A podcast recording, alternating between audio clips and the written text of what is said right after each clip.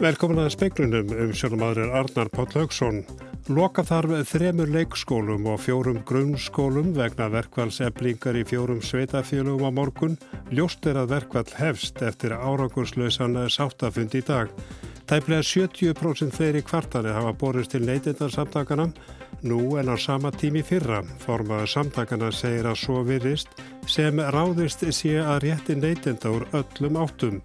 Þórólur Guðnarsson sótvarnalækniri segir að tveggjametra regluna gilda að minnstakosti til áramóta með nokkrum undantekningum og stemtir að því að opna sundlugar fyrir almenning með ákveðnum takmörkunum þann 18. mæ. Trampólinn eru víðast hvar uppselt og gardhúsgögn hafa aldrei selst í jafn vel. Rekstarastjóri í húsasmiðunar segir að salan á sumarvörum síðustu vikur sé svo langmesta sem hann mann eftir.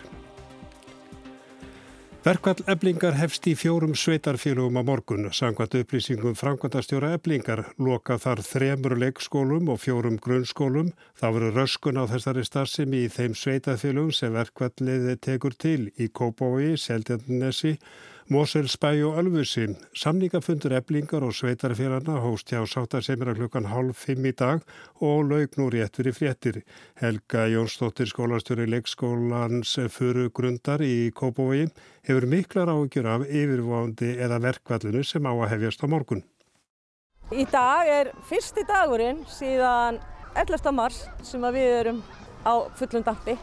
Nú er yfirvóandi verkfall eblingar og skella á að háti á morgun. Hefur það einhver áhrif hérna? Það er mikil áhrif hér. Það var verkfall eblingar í nýju starfstaga hjá okkur í mars. Börninu er búin að mæta hér annað hver dag fyrir utan fórgánshópa og það er bara ókveikjandi fyrir fóreldra og okkur ef þetta er að skella á eftir. Það er slemt fyrir börnum? Mjög slemt fyrir börnum. Þau þurfa að komast í sitt skipula, sitt umhverfi. Þetta er ófremdar ástand. Og þið sjáu fram á að þið verður bara í lás ef það kemur verkvall? Við lokum hálf fimm á morgun. Ég er svo eina sem á ganga í, í störf restingafólks. Það eru fimm, fimm klukkustundur á dag sem að restingi tekur í þessu húsi og síðustu vikur hefur restingafólki hér tekið augalega sóttþrýf í lokdags, alla harðafleti, hurðir og allt saman og það er verkefni sem er ærið og ég hef ekki segjur um til að taka það að mér. Þannig að þú ert bara svona áhyggjufull yfir þessu yfirvóðundi verkvalli. Ég er mjög áhyggjufull yfir þessu og bara skora á samningsaðila að taka saman höndum. Þetta var Helga Jónsdóttir, Kristín Sigurðardóttir talaði við hana.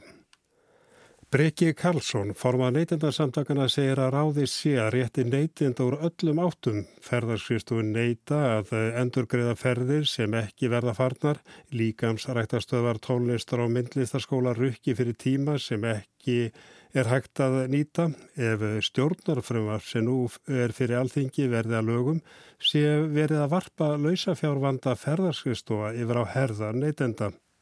Það hefur verið um það byrj 68% aukning á fyrstu fjórum mánuðum ársins á málum sem hafa komið á okkar borð frá fyrra ári. Mikill meiri hluti kvartananna má reykja til farsóttarinnar. Það er varða flugferðir, líkamsrækta stöðvar, námskeiðahald og íþróttafélög og ekki síst pakkaferðir. Sankvæmt lögum um pakkaferðir eiga neytendur rétt á að fá endurgreita ferð innan 14 daga frá því henni var aflýst.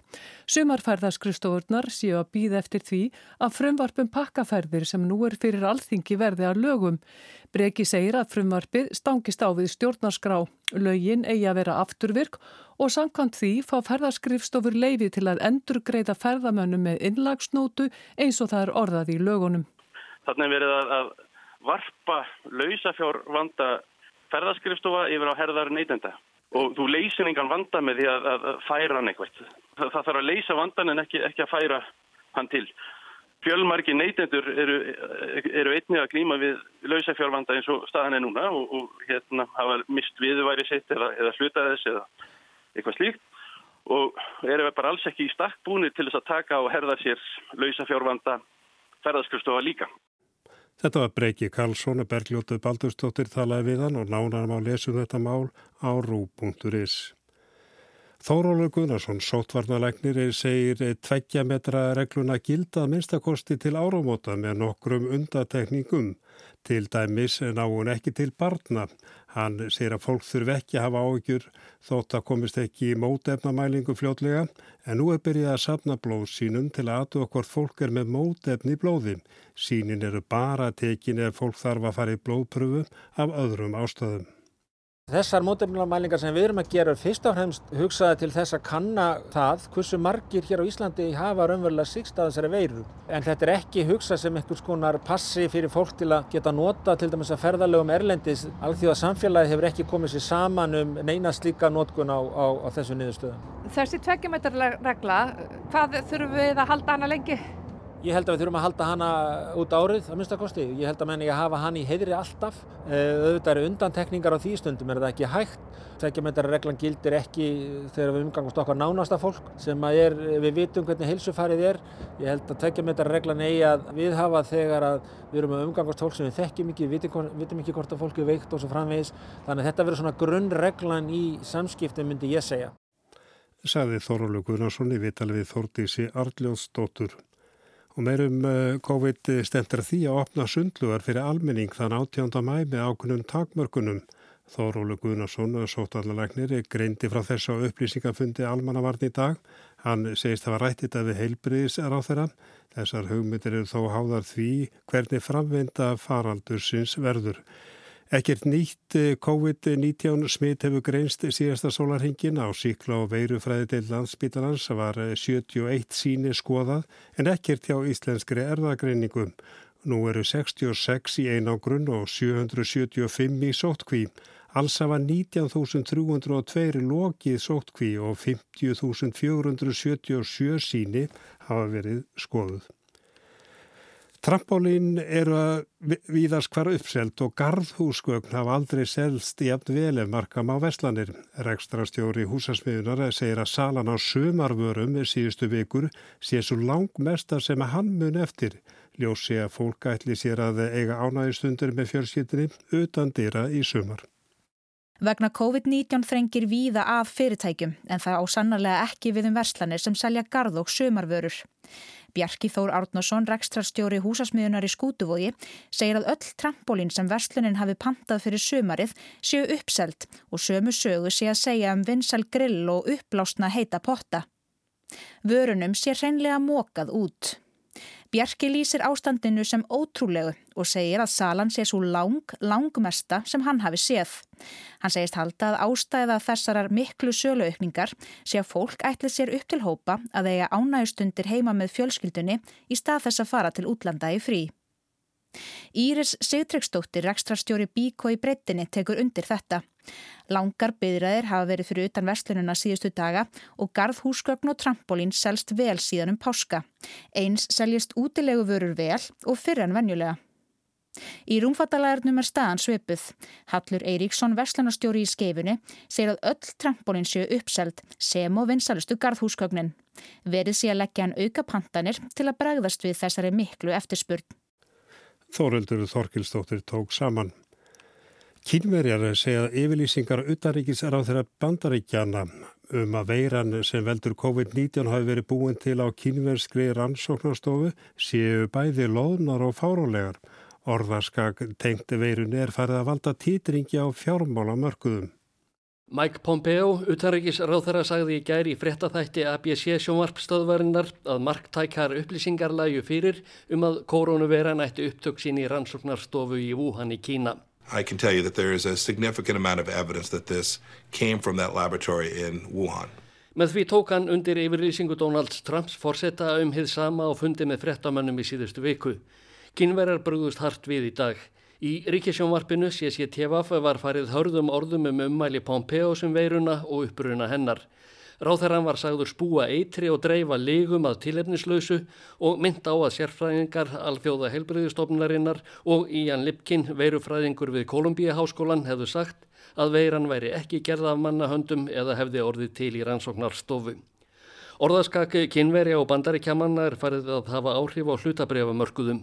Vísitölulækkanir í kaupöllum í Asi og Evrópu í dag eru ræktar til þess að verbreyfamiðlarar hafa áhyggjur af því að annað viðskiptastrið þjóðana sé í uppsiklingu. Áskjör Tómasson saði frám. Verulega hefur dreyju úr skjáltaverkni við Þorbjörn og landris mælist ekki lengur. Þetta bendir til þess að kviku innflæði á svæðinu sér lokið í byli. Þetta kom fram á fundi almannavarna vegna jarðræringa á Reykjaneskaga fyrir helgi. Þar kom fram að í byrjun april hefði dreyið úr landrisi við Þorbjörn og að um miðja mánuðin hefði þessari setni landeris hrinu á svæðinu lokið. Það voru ílsir sem að töldu að dagar Norvítsjan, flugfélagsins Norvítsjan væru taldir en nú verist verið að búa að bjarga félaginu frá Gjaldþróti, Gísli Kristjánsson í Oslo. Já, hvað gerðist? Já, það sem gerðist var að ríkið hafði heitið ábyrð á lánum, að jafngildi um 40 miljardar íslenskar króna, gegn því að bæði hluthafar og lánadrottnar myndu leggja fram á mótu og þetta hefur tekið já, heila sex vikur að reyna að koma þessu í kring og endar með því að, að lánadrottnar og eigendur flugvjöla leigana er, þeir taka yfir hann og veru flugfélagið og eignast yfirknámyndi meiri hluta hlutafjá og, og breyta þannig lánum í, í hlutafjá sem er þá 95% af félaginu. Nú hinn er sem áttu við félagið og eiga þarna en þá hlut, þeir eru með um 5,2% og þar á meðal er Björn Kjós sem var eh, uppaflega stopnað í félagið. En hvað er þetta miklu peningar? Það er verið að breyta skuldum í hlutafjöð, þetta eru gríðilega háar uppaður. Já, þetta eru um 175 miljardar íslenskar krónar sem þarna breytast úr því að vera skuldir og yfir í að vera hlutafjö og það er um, um 20% af skuldum félagsins. Þetta er gríðarlega skuldsett félag og, og eiginlega barðist fyrir lífið sínu sko undanfærin 2-3 ár vegna mikill að skulda. En eh, núna hafa þeir komist fyrir vindin í byli og, og reikna með að þetta dugi til að forða félaginu frá gjaldfrótu og endanlegri stöðvun. En eh, félag er þó ekki svipur hjá sjón að eh, það var, þegar það var í fullum rekstri bara fyrir ekki svo laungur síðan, að þá voru að jafnaði farnar 600 ferðir á dag. En hvað er að tala um núna? Það er að tala um bara, já, nánast örflugfélag í samanbyrðin við hvað félagi var? Já, já, þeir eru með sjö vélar í rekstri núna og það er gert ráð fyrir að það verði bara þessar sjö vélar uh, út þetta, fram að, að páskum á næsta ári. Þannig að þetta er bara smámun, smá brot af því sem var. Það eru 200 manns í vinnu við þetta en var þegar mest var um 10.000 manns. Þannig að þetta er bara örlíti brot af þessum upphaflega rekstri sem, sem hér var náttúrulega þriðja stærsta lágjaldafélag í Evrópu. En hvers vegna fara menn þessa leið að ykkur inn að eh, já, fara í líti flugfélag með 200 starfsmenn og þetta lengi? Já, þeir eru mjög svart sínir á framhaldið og það verður raun og veru endur skipulegja allan reksturinn, raða öll upp og nýtt, fella niður það sem hefur kannski verið á undanförnum árum erfiðast fyrir félagi. Það er, er þetta langflug frá Ameríku um Óslo til Asju það hefur reynst mjög erfitt og, og, og dýrt og erfitt að standa við áallanir þannig að það verður bara einfallega felt niður og skorið af og, og staðin farið í svona þessa frum hugmyndum lággjald að félag sem flýgur bara millir tveggja staða, ekkert tengiflug, það er ekki að standa við að, að mæta hana á réttum tíma. Þannig að þetta verði einfaldaði rekstur og já, kannski bara helmingur af því sem var áður. En það má segja að félagi sé raun orði eins og það var í upphafi en þá að skipulegja eitthvað nýtt þar sem er kallað nýja Norvítsjan. Hvað fælst í því? Já þetta nýja Norvítsjan fælst í því að menn farinu veru, er þetta gamla Norvítsjan, þetta er heið upphaflega Norvítsjan sem að Björn Kjús stopnaði árið 1993 Og það fælst í því að menn alltaf fljúa innanlands, sinna innanlandsflugi, sinna flugi um Norðurlönd, við veitum ekki nákvæmlega hvort að það er Ísland með og síðan svona stórborgarflugi söður í Evrópu til London, Parísar og, og Berlínar þannig að þetta verði svona það sem var upphaflega hugmyndin með þessu félagi. En hvað er þetta þá stort, eh, það verður bara að verða sjö vélar eh, fram að næstu páskum eða svo? Og þá á þetta nýja Norveitsjön eins og varst að lýsa að taka til starfa. E, það verður samt ekki mér stórt í sniðum. Þetta voru 190 velar en núna hvað 110?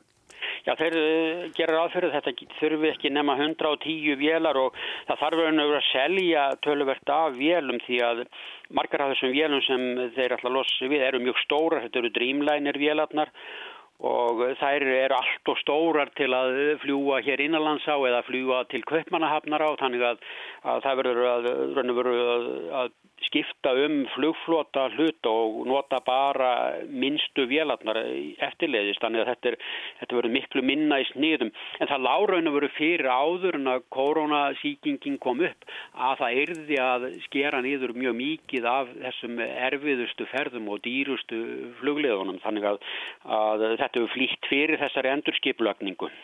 Þú fylgist með bladmannafundi í dag eh, og þar kom fram eh, já, talsverð svarsinni eh, að svarsinni ríkjum endurist almennt bara flugþjónust í heiminum.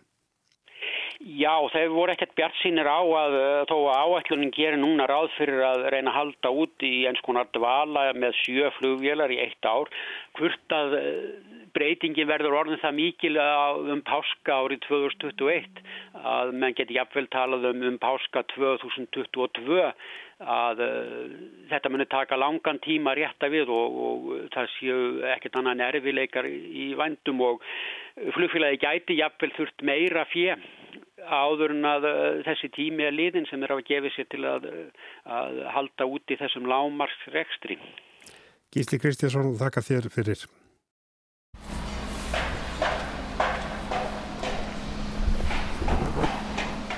Miðborg Reykjavíkur er að rumska. Veðrið var ekki jafn gott og það hefur verið síðustu daga en um hátegispil í dag var samt slæðingur af fólki á lögaveginu. Vindurinn sópaði ríkugar gangstiftirnar og á stöku stað mátti sjá bláan hanska saman kuðlaðan, eitt af innkennismerkjum tíðarlandans. Vegfærendur drukku kaffi á kaffihúsum eða snættu á veitingastöðum, tónlist bast frá opnum verslunum, Starfsmenn borgarinnar hyrtu sorp, hárskerar tóku móti kunnum eftir langt hlje, söpn borgarinnar opnuðu dyr sínur á ný og viða voru yðnaðamenn að störfu. Basar Torvaldsen félagsins við Östustræti opnaði í dag eftir sex vikna lókun. Þar verður skertur opnunartími næstu vikur, opið frá 1 til 5 á daginn og lokað um helgar. Eru búin að koma einhverjir inn í búðun að skoða í dag? Þú ert fyrsta. Það er nýbúin að opna. Já. Ég heiti Kristín Rauð Fjólmundsdóttir og vinn í Torvarsen Barsar sem sjálfbóðaliði og við vorum opna í dag eftir síðan 24. mars og erum bara ákveðnar í því að vera björnsinnar. Og ég heiti Halldóra Margrét og er sjálfbóðaliði og ég stjórn félagsins og Kristín er formaði félagsins og við byrjum að opna í dag og þá erum við tvær sjálfbóðaliðar og svo skiptist við á, við erum, hvað eru við marga sjálfbóðaliða konur? Erum, það eru 32. Já. Og hvernig er að vera komin afturringað? Ásamlegt. Alveg, við erum náttúrulega bara uh, hlökkum til að hitta vinkonurnar og, og bara vera einhver staðar annar staðar heldur en heima að prjóna. Já. Nú er mikið hérna svona íslenskur lopi og, og svona eitthvað sem höfðar til ferðamanna hafið þið áhyggjur af því að, að uh, Íslandingar eigi ekki eftir að kaupa þetta? Við höldum bara Íslandingarnir kaupi meira lópapeisum af því að þeir eru að fara að ferðast um landið en ekki að fara í sólundanferðir. Svo lesa við bara tröstum því að við getum selgt þeim alveg hérna ávið það að útlendingarnir komi. Já, takk fyrir, gangið þú vel. Lega vopið. Frá söluturninum Vitanum berst lykt af pilsum, sinnepi og tómatsósu. Hrafnhildur Egilstóttir stendur þar vaktina. Hún segir fólk jákvætt. Það er bara eina sem er að nokkuð vanta meira túristum, fólki einn. Ja. Hafa komið margir til þín í dag? Já, já. Það er alltaf því flestu kunnarnir sem er komið alltaf til okkar. Halda okkur alveg vefnið. en það er ekkert mikið að fólki svona utan að göttunni fólk er líka bara svona, ég átt að sjá hlutum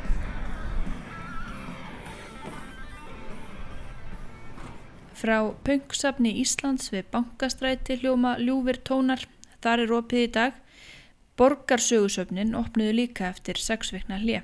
Speillin leit við á landnámsýningunni við aðalstræti. Já, ég heiti Guðbrandur Bendíksson og er sapstjóri Borgarsögusaps en undir uh, það eru til að árbæðasapn, sjóminnarsapnið út á Granda, ljósmyndasapn Reykjavíkur, Viðei og síðan landnámsýningin hér í aðalstræti. Stór hluti af tekjum safnana hefur undanfarið komið úr vösum erlendra ferðamanna og þá sérstaklega við um landnámsýninguna þar sem erlendir ferðamenn hafi verið um 90% gesta. Söfnin hafi verið tekjulegs síðustu vikur og vegna hruns í ferðarþjónustunni er tekju áætlun ársins gengin úr skorðum. Óvisa ríkir um sumarið. Stemtir að því að sníða dagskrá safnana meira að heimamönnum næstu mánuði. Guðbrandur vonar að aðsók þeirra aukist. Í grunninn er það náttúrulega svona kannski aðal skilda samfélagsleira stofnana eins og safna að þjóna sínu nærumhverfi að þjóna eigendunum sem er þá heimamenn. Viðbörastarf hjá okkur hefur að mestu miða við einlendagesti þannig að það er kannski engin eh, breyting í áherslum þar.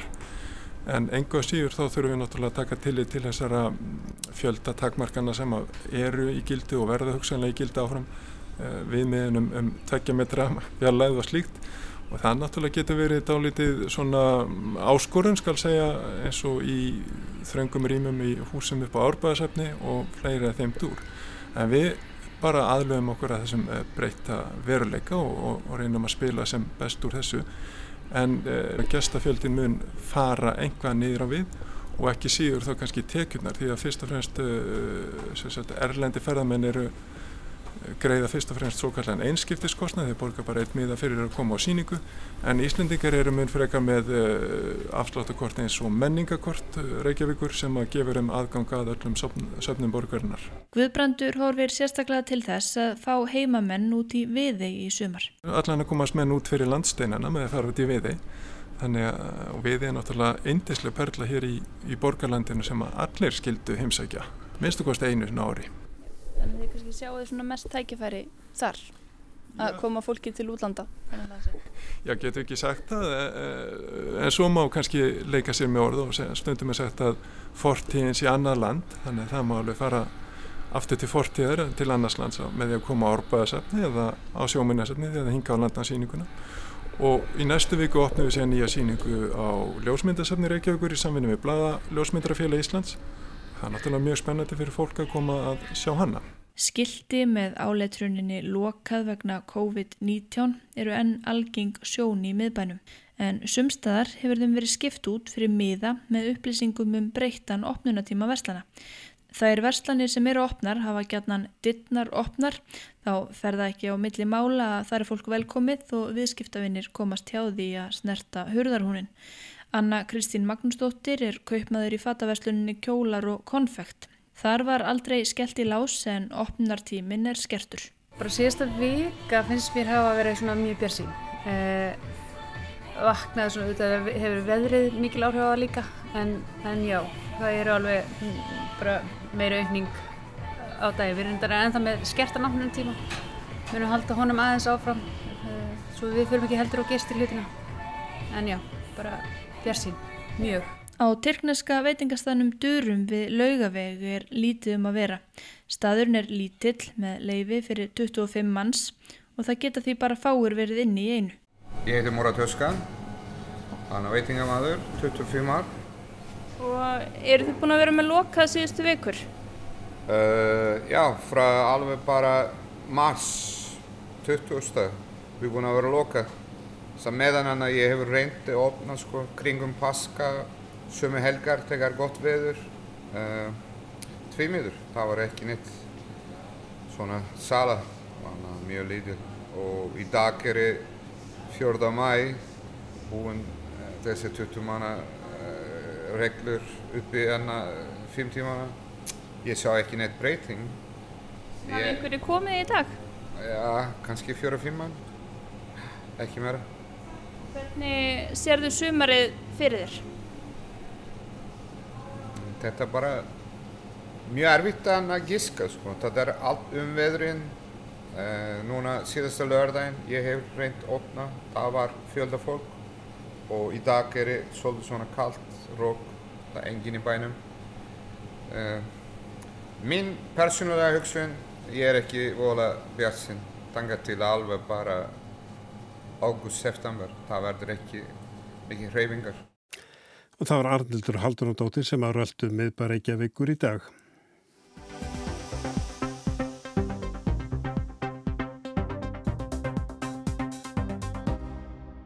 Ágreiningur er á milli samningarnemnda ríkisins og félags íslenskra náttúrufræðinga um hvort nýgerðu kjarasamningur félagsins hafi verið samþyktur eða feldur. Samningarnemndin lítur svo á að samningurinn hafi verið feldur. Ekki er óleiklegt að málið fari fyrir félagstóm. Tíu félugina BHM voru í samflóti í kjaraviðrað við ríki sem laug með því að undirritaðar voru samningar þessara félaga. Sjö þeirra samþautu samningin en þrjú þeirra feldu hann sangvært frétt sem byrt var á VF BHM. Samningarnemndi ríkisins tilur hins vera náttúrufræðingar hafi samþygt samningin en ekki feldan. Mjög mjótt var á mununum, 265 sögðu já og 278 sögðu nei og 21 skilaðu auðu. Félagi taldi einungis þá sem sögðu já eða nei. Sanga því er niðurstaðan að 51,2% hafi felt samningin. Samningarnemdi vísar í lögum stjættarfjölu og vinnudælur. Þar komi skýrt fram að samningur teljist feldur með meiri hluta greitra atkvæða, telja eigi með auðu atkvæðin. Ef það er gert hafi samningurinn ekki verið feldur. Negin hafi verið sangað þessu 49%. Samningarnemdin vísar í dómafordæmi um þessa tólkun. En félag náttúrufræðinga er ekki sátt við þessa tólkun og heldur fast við að samningurinn hafi verið feldur. En hver rauk félagsins sem Arianna Helgadóttir er formaður þess? Í össutumáli er það þannig að, að ríkið beiti fyrir sér lögun nr. 80.1938 um stjættafélag vinnutölur og það áviðin kæra samning á almennu markaði. Aftur á móti vita allir að það veri önnu lög fyrir ofinbæra starfsmenn og það er lögum kæra samning og ofinbæra starfsmenna. Í öðru lagi eru þeir að vísa í uh, félagstóm sem er 32 ára gaman sem varðaði niðurstöði í atkvæðagreðslum verkvarsbóðum sem íþingjandi aðgerð akkvært vinnuveilenda. Þar þurfti í raun og veru að þeir sem sögðu já við í raun og veru verkvarsbóðum þurfti að ná yfir 50% vægið. Aftur á móti uh, hefur lögum uh, 80 frá 1938 verið breytt frá því að þessi dómi fjett þannig að það er mikið gert síðan þá og núna er það þannig að ef þú ert í post-atkvæðagreyslu í dag og ert með alls reyða atkvæðagreyslu í samtíð slíkt í, eins og það var hérna í gamla daga að þá er post-atkvæðagreyslan eh, jafn hliðstæð og rafræn atkvæðagreyslu þar sem allir geta tekið þátt í atkvæðagreyslinni og það er leiðandi telli við að það sé bara eiginlega nýðurstaða atkvæðagreyslu sem eigi að gilda. Það er meiri hluti þeirra sem tóku afstöðu til samlingsins sögðu nei við samningnum og feldu það lendi samningin. Þannig að fordæmir sem við erum með þessar 32 ára gamla dómir, hann er, hann er mjög dræmur uh, í ljósi þess hvernig hlutin hafa þróast og hvernig breytinguna hafa verið gerður á lögum um kjæra samninga á almennu markaði. Bara stutt, finnst þið líkt þetta mál farið fyrir félagstóm? Ef að uh, ríkið mun ekki fallast á það að samningurinn okkur hafi verið feldur, þá verður þetta útkláð fyrir félagsdómi, já. Þetta var Marjana Helgadóttir og við sögum frá því speklinum í kvöld að loka þar þremur leikskólum og fjórum grunnskólum vegna verkvælseflingar í fjórum sveitafjölum sem er hefst á morgun og nú sítiðis var ljóst að verkvælli hefst á morgun eftir að árangurslaus áttafundur var haldin í dag. Tæplega 70% fleiri kvartanir hafa borist neytinda til neytindarsamtakana nú en á sama tími fyrra. Formaður samtakana segir að svo virðist sem ráðist sé að rétti neytinda úr öllum áttum. Þórólur Guðnarsson sótvandalæknir segir tveggja metra regluna gilda vinstakosti til áramóta með nokkrum undantekningum. Stemtur að því að opna sundlugar fyrir almenning með ákveðnum takmörkunum þann 18. mæ. Og flugflæði Norvítsjan mun á næsta ári reka aðeins sjö flugvélar og fjöldi starfsmanna verið 200. Starfsmannafjöldin var þegar mest var 10.000 og vélarnar 190. En það er ekki mikið meir í speiklunum. Tæknumæri kvöld var Magnús Þorstein Magnússon verðið sæl.